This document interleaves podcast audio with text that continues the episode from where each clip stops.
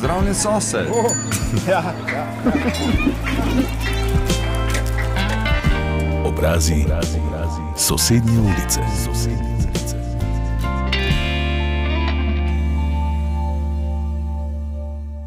Spoštovane poslušalke, ceni poslušalci, pozdravljeni v oddaji Obrazi sosednje ulice. Današnji obraz sosednje ulice bo glasbeno obarvan o glasbi v življenju z njo.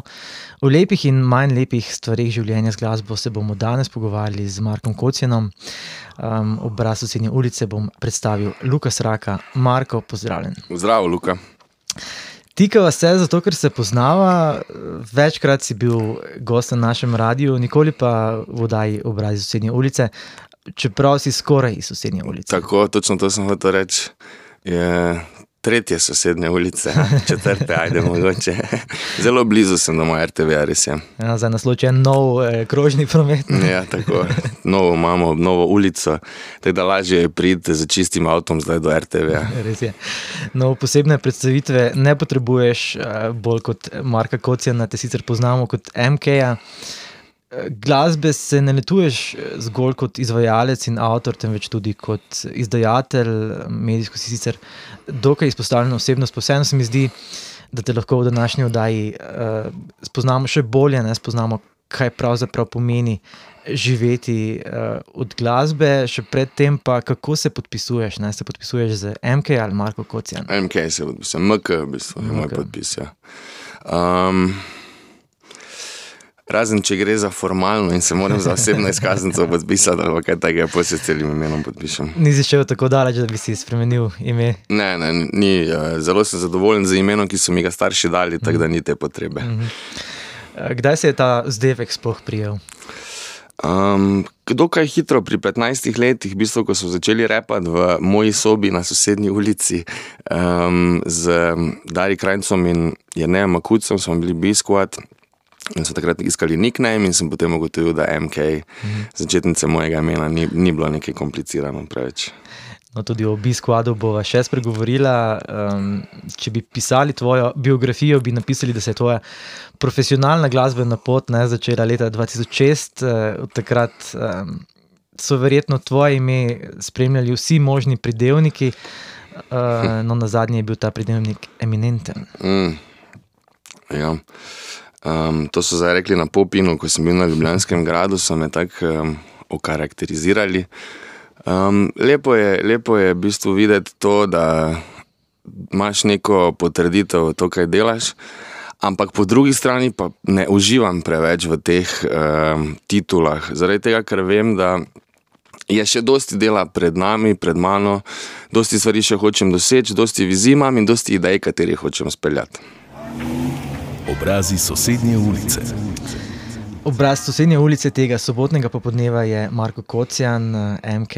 Marko, kdaj te je glasba zgrabila, kot radi rečemo? Mm, dokaj hitro, zato ker sta mama in tata imela ful veliko CD-jev doma, dosti CD-jev. Ampak tako, da sem se pa sam začel zavedati, da se bom s tem ukvarjal, je pa bilo dan, ko sem šel v Müllerja. Jaz sem predtem hodil v glasbeno šolo, igral klavir, pa mi je glasba bila pri srcu, ampak ne ta glasba, torej ne klasična glasba. In sem skozi iskal neki izhod iz tega, hotel sem biti kreativen, pa nisem vedel kako. Potem sem pa si kupil Snoop Dogg, Doggy Style. Takrat se je še v Müllerju poslušal, tako in tako sproval. Tako probo sem. DJ Robi mi je takrat prodal uh, CD, oziroma mi ga dal za poslušati, potem sem ga tudi kupil. In me je hip-hop oziroma rap totalno zasvojil. Pač Snoop Dogg je bil zelo dolgo časa pač moj bog. Uh, lahko bi rekli, ne, da prihajaš iz glasbene družine, tvoj oče je igral pri Pepelu in Kri. Uh -huh. um, a te je pel pri Pepelu in Kri, uh -huh. stric, Zoran je pa bil basist pri Lačnih Franciji. Uh -huh. Tako da so družinske obletnice in praznovanja bila vedno glasbeno obarvana preden uh, si se podal, na, oziroma preden poveva, kako si se podal s svojimi sosedi na, na to repersko pot, na to glasbeno pot. Uh, kako se spominjaš glasbene scene v tvoji adolescenci, ne, od, od Müllerja naprej? Hmm, spomnim se, da je bil glavni Edo Majka. To se spomnim, potem se spomnim Murata in Jausa, spomnim se Koste. Spomnim se ljudi, ki so me inspirirali, ker sem takrat razmišljal, da bi tudi jaz rad enkrat bil na odru in nastopal.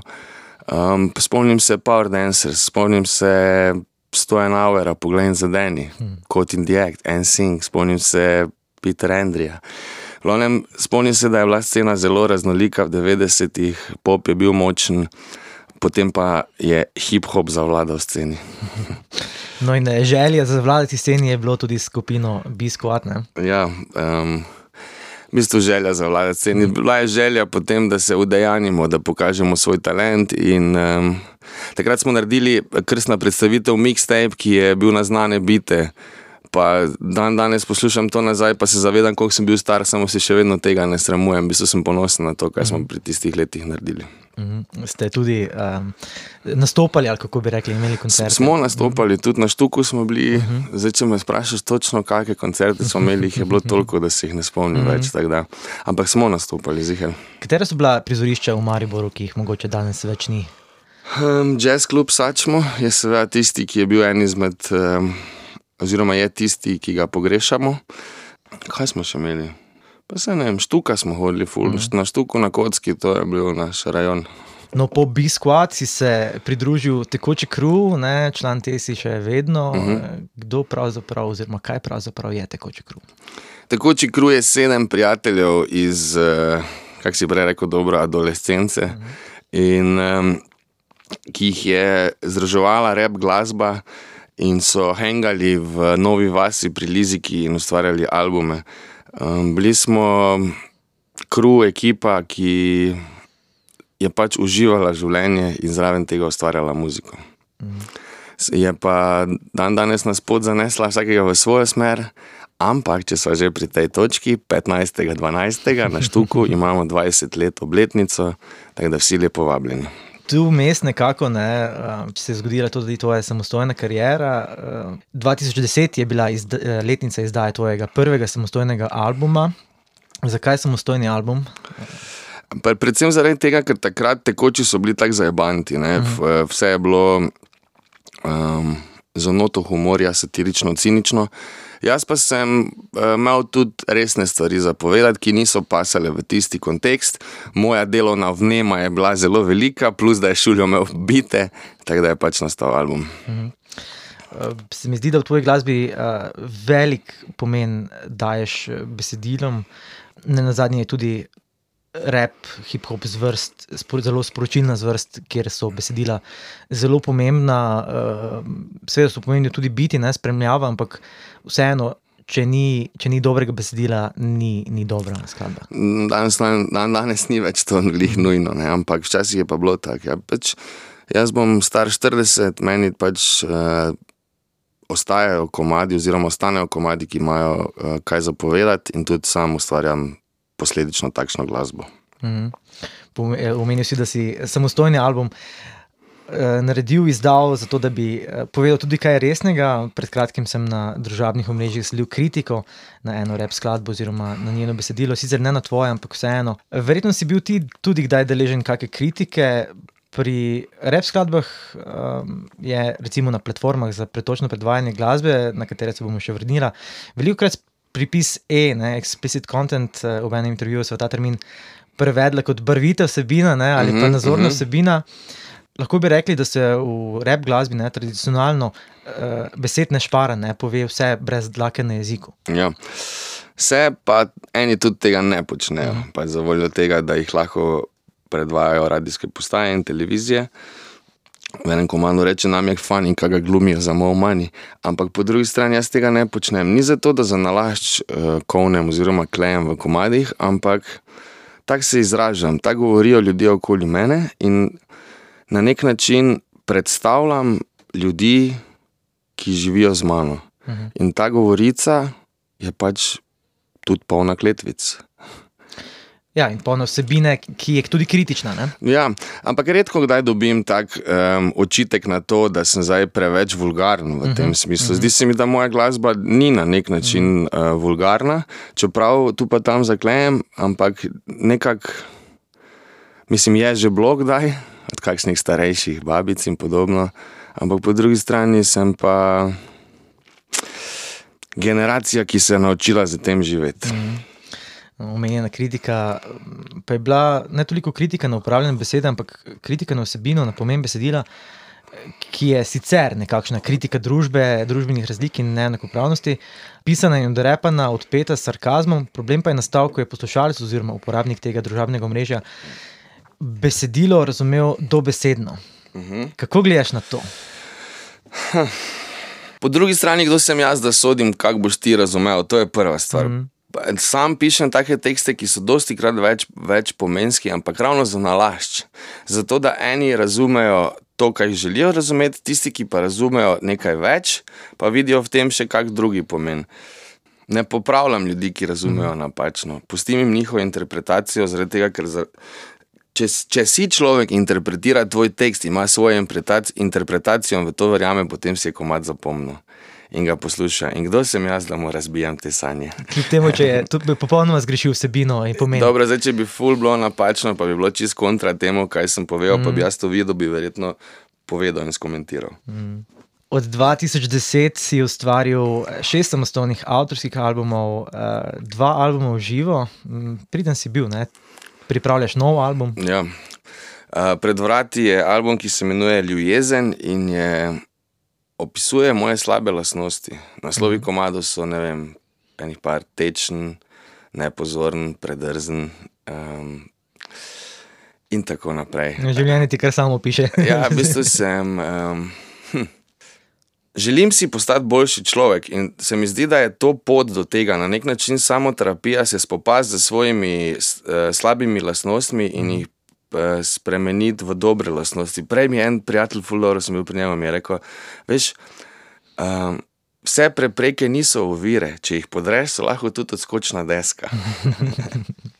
Uh, album nosi tudi torej naslov Ljubezen, oziroma bo nosil naslov Ljubezen. Ne? Ravno z Ljubezen si na lanskem Fričnem uh, tudi pobral uh, nagrado občinstva. Uh mhm. -huh. Takrat si je tvoja skladba prvič zazvenela z Big Bandom. Najna skladba z videkom. Ja. Ja. Uh, super moment, to je tako spet ena validacija.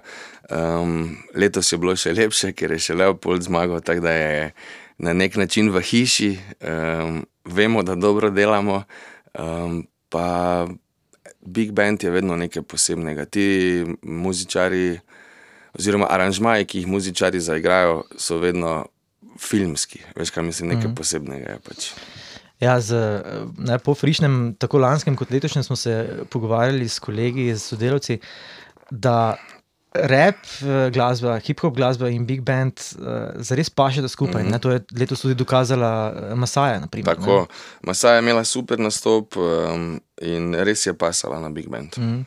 Mogoče zato, ker je bila, oziroma je še vedno rap glasba veliko krat semplana, tudi z, z temi starimi sol posnetki, z trubili. Možno, možno je pa te inštrumenti pašejo mm -hmm. v ta čas, pa je lažje predstaviti mogoče takšno zvrst, res je če bi izjavil, da si se iz alternativne glasbene scene prestavil na mainstream, bi uh, šel predaleč. Ne, nikoli nisem bil hotel biti alternativna glasbena mm. scena. Jaz v moji glavi sem bil vedno mainstream. Obrazi sosednje ulice. V oddaji Obrazi sosednje ulice tokrat gostimo Marka Kocija na MK-ja, mariborskega reperja, glasbenika, tudi glasbenega strica iz ozadja, bi lahko rekli. Uh, Marko, tvoj glasbi v repu so povedali že veliko, no tvoje delo pa ne obsega samo pisanja in ustvarjanja ter izvajanja svoje glasbe, v glasbo si upleten tudi drugače. Uh mhm. -huh.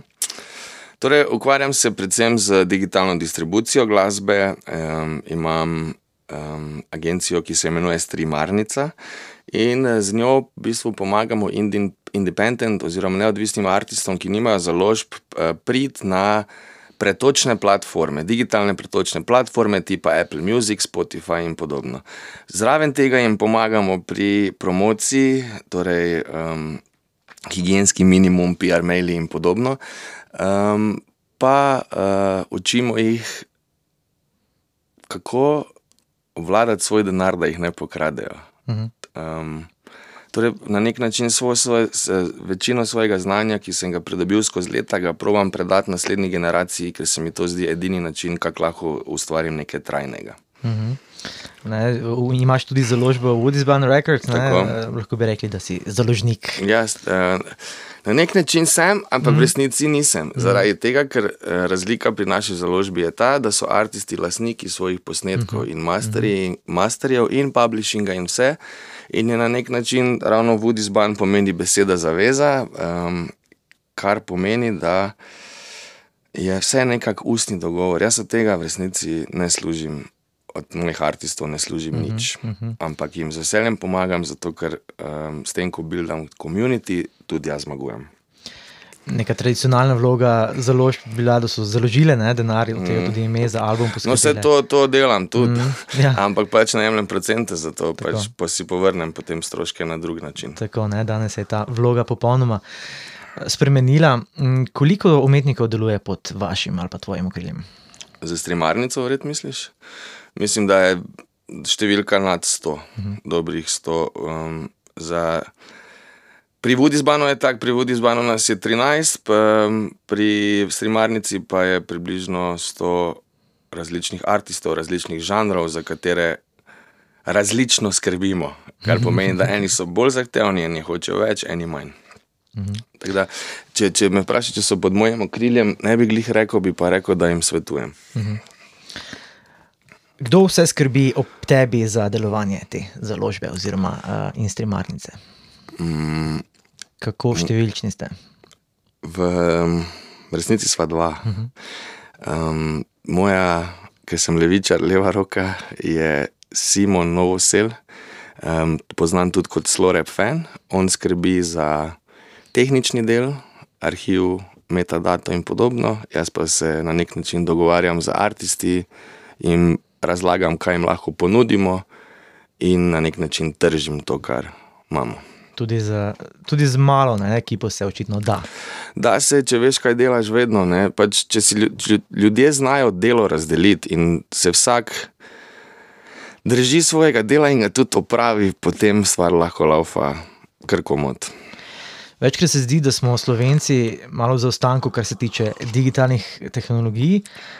Platforme za pretočno predvajanje glasbe so k nam prišle s konkretnim zaostankom, naprimer, ne, in tudi znanje o tem, kako. Ja. Še zdaj, v bistvu, ni vse zrihtano na Instagramu, še kar nimamo muzike, ampak to, so, to je čisto ena druga debata v resnici. Um, ne vem, vse smo zadnji, stari, ne samo muzika. Zadnji smo v. Dobro, ne vsi, ampak večina nas je zadnji v vrednotah. Težko nam je prositi za pomoč, ljubiti, biti prijazen, zato smo zadnji, stari. Generacija najmanjih staršev pravi, da si se moral včasih za glasbo zelo potruditi. Ne? Danes pa se marsikdo težko odreče vem, tistim slabim desetim evrom, uh -huh. naprimer za, za naročnino. Za, na plat, plat, Pa se veš, enim je 10 evrov tudi dosti. Ne? Se veš, če imaš naštudirano, kam bo šel vsak evro, potem je to totalno razumljivo. Zato tudi, recimo, jaz skozi uploadam svoje komade tudi na YouTube. Uh -huh, uh -huh. In eh, če kdo pač nima denarja, pa če bi rad slišal, lahko tudi tam čuje. Vedno, ne? pač uh -huh. ni treba, da plača. Čeprav mi marsikdo tudi sam sebi odsvetujem to početje zaradi večje monetizacije, po drugi strani pa nočem prikrajšati ljudi, ki nimajo denarja, do tega, da jim lahko mogoče pomagam. Kako problematično se ti zdi piratstvo, ki se je v Sloveniji še vedno zelo močno? Glede na to, s čim se ukvarjam, ne, pa kaj bom zdaj rekel, ne si pluvam vlastno skledo. Ne, ampak um, kot otrok, ki je to sam počel in se je na nek način izobrazil in zbil svoj okus zaradi tega, ker mu je internet dopustil, da lahko pride do stvari, ki si jih je želel. Um, se mi na nek način zdi to iz izobraževalnega vidika zelo vredno. Iz vidika artista, kot pa človeka, ki ustvarja in vlaga v to čas, denar in svoj trud, se mi pa zdi malo sporno dajati stvari za stojn. Uh -huh. Zelo diplomatsko sem odgovoril na to vprašanje. No, se, če jih ponudiš za ston, uh, ni s tem nič ne Veš, sporno. ja, ne. ampak za stojn, imam pa, v bistvu oni čujejo za stojn, ampak moj YouTube kanal je monetiziran, uh -huh, kar pomeni, da na, na, posledično vseeno zaslužim, kljub temu, da Tako. oni nič ne plačajo, zato ker pač gledajo reklame. Ne? Uh -huh. Nekako je še vedno v, v glavah um, ljudi, da, ja, da glasbeniki pa s spletnim predvajanjem, s pretočnim predvajanjem eh, ogromno zaslužijo. ne, Ampak, Ogromno. Mislim, da se, valjda se da, če si se ni da, ali pa če si ne vem, mm. če si pač artist, ki prebije neke meje. Jaz sebe smatram za precej uspešnega, mm. pa ne morem samo od tega mm. živeti. Recimo, ne. No, to sem želel, da, da, da poveva. Ne, da, da, Mislim, ja, da ni za to, da ni ne, nič, ampak spet mm. pa ni za to tako, da bi lahko rekel, da ne več nič druga delo, samo muziko bom uploadil na internet, pa mu tega živel, pač to ne gre. Ne, mm. ne še. Ne še. Marko, um, ko sva se sprehajala do studia, si omenil, da odpiraš trgovino. Uh. -huh. um, v bistvu ta trgovina je uh, povezana ne, z Woodies Band Records in Tako. z tabo. Um, torej, ideja je sledeča. Prvo bom odprl trgovino, ker tako bom začel. Kak je nastala sploh inspiracija za to? Recimo, obstaja ena gospodična, ki je naredila diplomo o meni. In je pač bilo, zelo mi je odprlo oči, ko sem to prebral. Eh, In ugotovil, da v bistvu nimam platforme, kjer bi me lahko ljudje podprli na tak način, da bi si kupili majice in mikice. Večino, kaj je, je Instagram, story ali pa na koncertih. In sem uh, opazil, da imam to manjka. Malo bom strnil svoje misli, ker ga bluzim, ampak hotel sem reči sledeče. Začel bom za svojim, potem je pa rad ustvaril platformo tudi za druge artiste. Mm. Naredil, imenovalo se bo Woody Shop. Um, kjer, bi, kjer bo lahko kdorkoli prodajal svoj mrč. Tudi, recimo, jaz bom za njega mrč naredil, če ga sam ne bom imel. Tako da letos bomo začeli z uh, MK mrčom, pa verjetno bomo tekoči krug, ker imamo 20 let uh, zalaufali to, pol bo verjetno tudi Leopold, če bo za, dal vsem gor. Potem bomo pa v naslednjem letu odprli vrata za to platformo tudi vsem ostalim. Mm, Tako kot je streamarnica ne, Tako, odprla za tako. glasbo. Obrazi sosednje ulice. Marko Kocjan, MK je še vedno naš gost, obraz sosednje ulice, za katerega je okvir današnje oddaje verjetno prekratek. Mm, Marko, povedala ste veliko o tvojem delu. Uh, kaj pa dela MK, ko se ne ukvarja z glasbo? Kuha. Eh, Zelo rad kuham, eh, skoraj vsak dan kuham. Mm, Danes sem uh, celo ugotovil, da imam svojo tetko na tržnici, zato ker vsakeč, ko hočem kam drugam iti kupiti, na koncu ostanem pri njej. Tako da um, vmes ni tako, se dosti ljudi več delal sušije, uh -huh. se ukvarjal dosti z um, rolanjem. um, dan danes je pa tak, da je neka moja vizija skozi, da ko bo mi dovolj odrov in pozornosti, bom verjetno začel nekaj kuhati. Um, Azijskega. Tako da, ker sem kot mali živel tri leta na Tajskem, eh, mi je to globoko v sebi ostalo, tako da ful sem suši fan, pa bowl, čiraši in pokebolo in podobno, tudi baoban se imam rad, tako da vse to se mi zdi, da na nek način manjka v tem prostoru in rad bi naredil. Moja pobožna želja je v bistvu food truck, eh, ker pač ne delam vsak dan, ampak delam trikrat na teden in vsakič je nekaj druga kuham. Tako.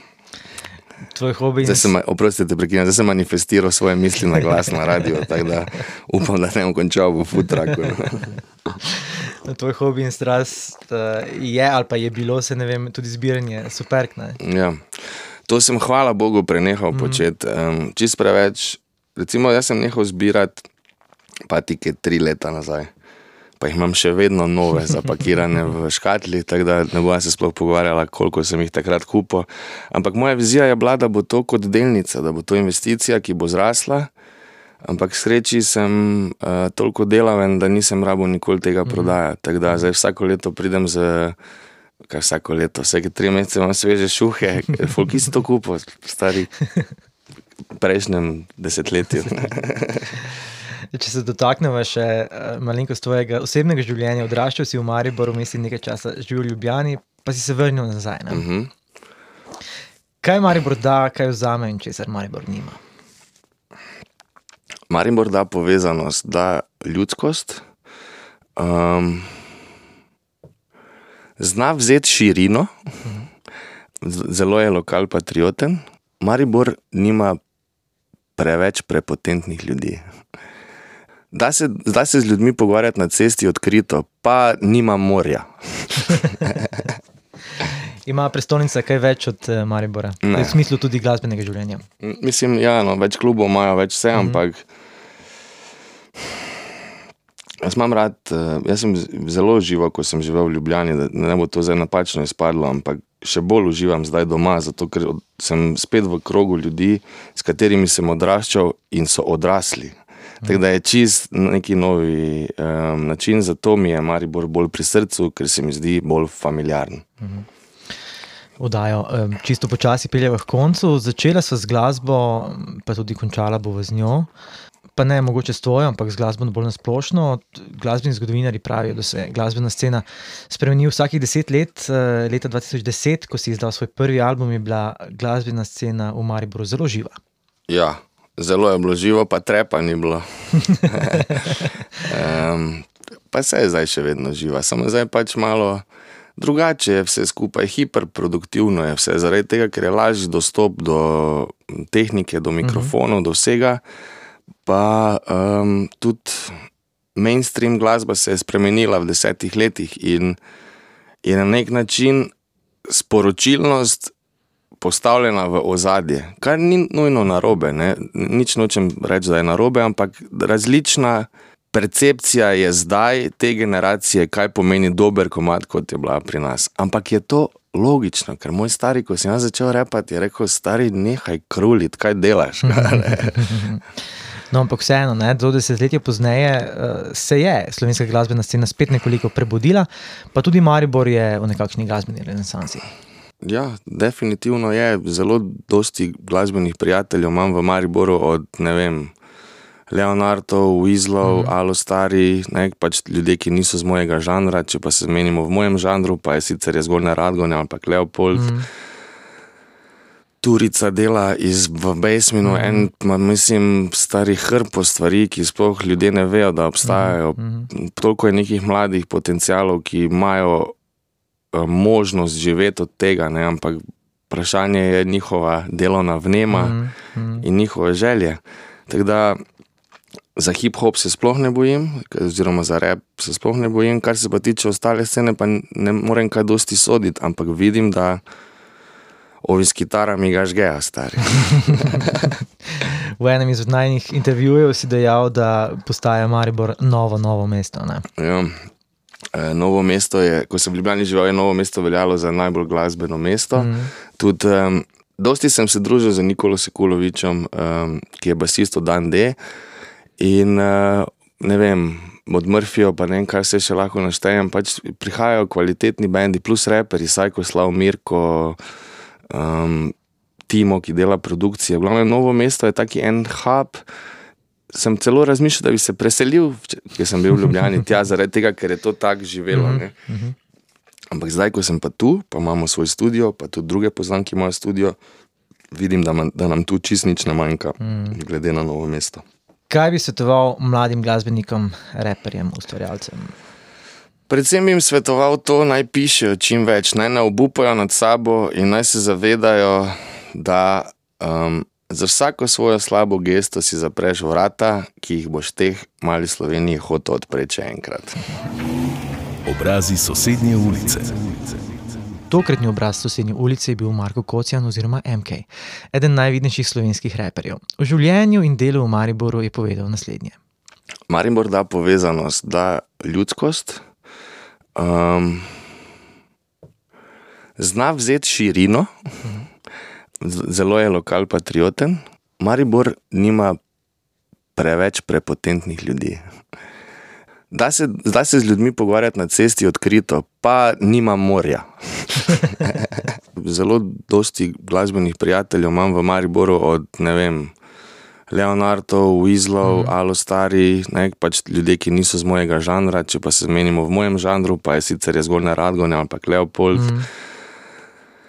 Turica dela iz Basminu, mm. en, ma, mislim, stari hrpo stvari, ki sploh ljudje ne vejo, da obstajajo. Mm. Toliko je nekih mladih potencialov, ki imajo uh, možnost živeti od tega, ne, ampak vprašanje je njihova delovna vnema mm. Mm. in njihove želje. Tako da za hip-hop se sploh ne bojim, oziroma za rap se sploh ne bojim, kar se pa tiče ostale scene, pa ne morem kaj dosti soditi, ampak vidim, da. Ovi s kitarami ga žgeja, stari. MK ni le izvajalec in avtor, s svojim delom v zadju glasbene scene skrbi tudi za druge mlade glasbenike. Imam um, agencijo, ki se imenuje Streamarnica in z njo v bistvu pomagamo indin, independent oziroma neodvisnim artistom, ki nimajo založb, eh, prid na pretočne platforme, digitalne pretočne platforme tipa Apple Music, Spotify in podobno. Zraven tega jim pomagamo pri promociji, torej um, higijenski minimum, PR maili in podobno, um, pa uh, učimo jih, kako vladati svoj denar, da jih ne pokradejo. Um, torej, na nek način svoj, svoj, večino svojega znanja, ki sem ga pridobil skozi leta, ga probujem predati naslednji generaciji, ker se mi to zdi edini način, kako lahko ustvarim nekaj trajnega. Oddajo obrazi sosednje ulice sem pripravil Lukas Raka. Obrazi sosednje ulice. Sosednje